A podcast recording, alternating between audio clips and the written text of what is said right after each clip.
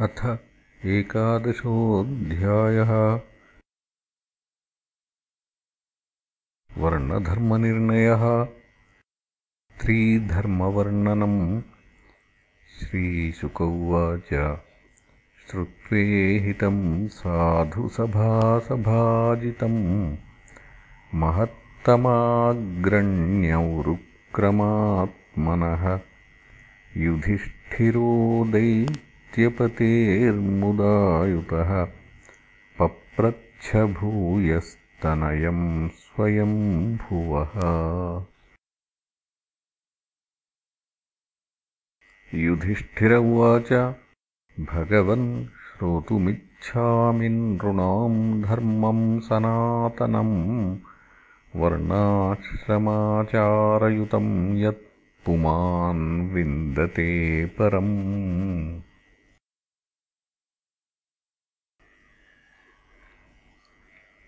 भवान् प्रजापतेः साक्षादात्मजः परमेष्ठिनः। सुतानाम् सम्मतो ब्रह्मंस्तपो योगसमाधिभिः।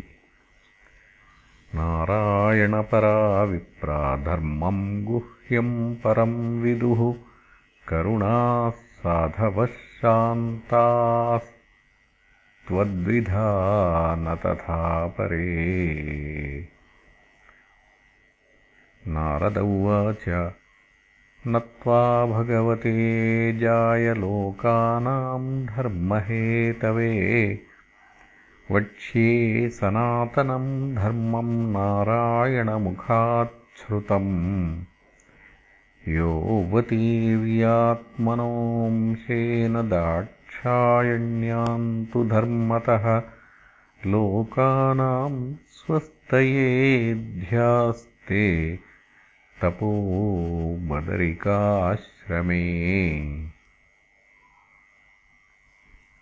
धर्ममूलम् हि भगवान् सर्ववेदमयो हरिः स्मृतम् च तद्विदाम् राजन् येन चात्मा प्रसीदति सत्यम् दया तपः शौचम् तितिक्षेक्षाशमोदमः अहिंसा ब्रह्मचर्यम् च त्यागस्वाध्याय आर्जवम् सन्तोषः समदृक्सेवाग्राम्येहोपरमः शनैः नृणाम् विपर्ययेहेक्षा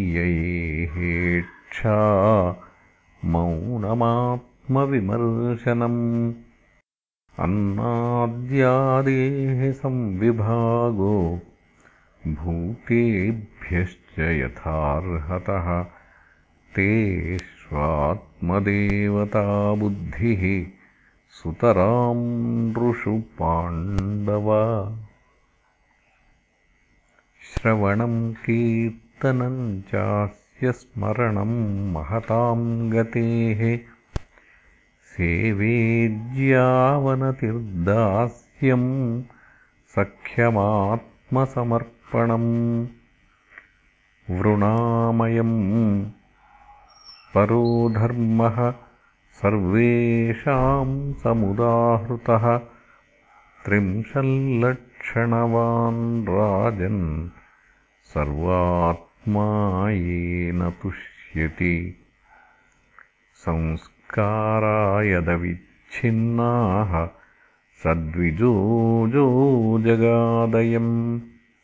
इद्याध्ययनदानानि विहितानि द्विजन्मनाम्। जन्मकर्मावदातानाम् क्रियाश्चाश्रमचोदिताः विप्रस्याध्ययनादीनि षडन्यस्याप्रतिग्रहः। राज्ञो वृत्तिः प्रजागोक्तुरविप्राद्वाकरादिभिः वैश्यस्तु वार्तावृत्तिः स्यान्नित्यम् ब्रह्मकुलानुगः। शूद्रस्य द्विजशुश्रूषा वृत्तिश्च स्वामिनो भवेत्। वार्ताविचित्राशालीनयायावरशिलोञ्छनम् विप्रवृत्तिश्चतुर्धेयम् श्रेयसी चोत्तरोत्तरा। जघन्यो नोत्तमाम् वृत्तिमनापरिभजेन्नरः ऋते राजन्यमापत्सु सर्वेषामपि सर्वशः। ऋतामृताभ्याम् जीवेतमृतेन प्रमृतेन वा। सत्यानृताभ्याम् जीवेत न स्ववृत्त्या कदाचन।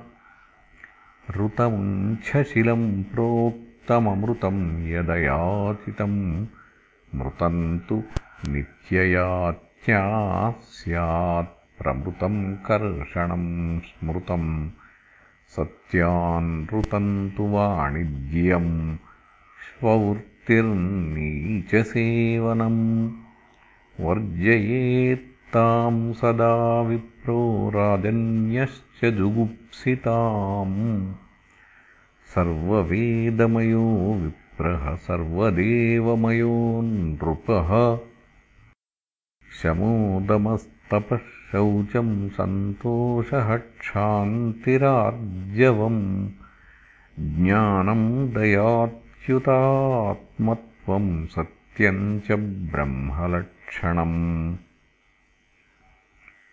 शौर्यम् वीर्यम् धृतिस्तेजस्त्याग आत्मजयः क्षमा ब्रह्मण्यताप्रसादश्च रक्षा च क्षत्रलक्षणम् देवगुर्वच्युते भक्तिस्त्रिवर्गपरिपोषणम्।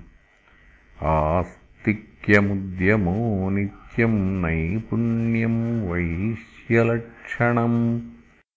शूद्रस्य सन्नतिः शौचम् सेवा स्वामिन्यमायया अमन्त्रयज्ञो ह्यस्तेयम् सत्यम् गो विप्ररक्षणम्।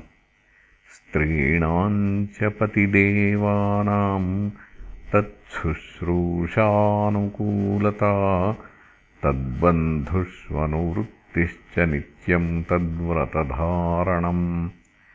सम्मार्जनोपलेपाभ्याम् गृहमण्डलवर्तनैः स्वयम् च मण्डिता नित्यम् परिमृष्टपरिच्छदा।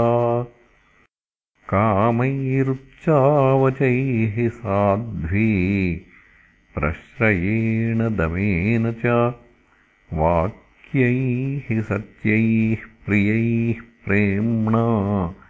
काले काले भजेत्पतिम्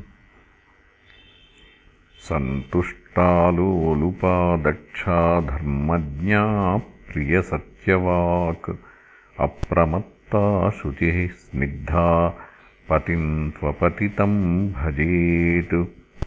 या पतिम् हरिभावेन भजेत् श्रीरिव तत्परा। हर्यात्मना हरेर्लोके पत्याश्रीरिव मोदते वृत्तिः सङ्करजातीनाम् तत्तत्कुलकृता भवेत्। अचौराणामपापानामन्त्यजान्ते वसायिनाम् प्रायत्स्वभावविहितो नृणाम् धर्मो युगे युगे वेददृग्भिः स्मृतो राजन् प्रेत्यचेह च शर्मकृत्। वृत्त्या स्वभावकृतया वर्तमानः स्वकर्मकृत्। हित्वा स्वभावजम् कर्म शनैर्निर्गुणताम् यात्। उप्यमानम् मुहुः क्षेत् स्वयम् निर्वीर्यताम् यात्। न कल्पते पुनः सूच्यमानम् नित्यै उक्तम् बीजम् च नश्यति एवम् कामाशयम् चित्तम् कामानामतिसेवया विरज्येत यथा राजन्नग्निवत्कामबिन्दुभिः। यस्य यल्लक्षणम् प्रोक्तम् पुंसो वर्णाभिव्यञ्जकम् यदन्यत्रापि दृश्येत तत्तेनैव विनिर्दिशेत्। इति श्रीमद्भागवते महापुराणे पारमहंस्याम् संहितायाम् सप्तमस्कन्धे एकादशोऽध्यायः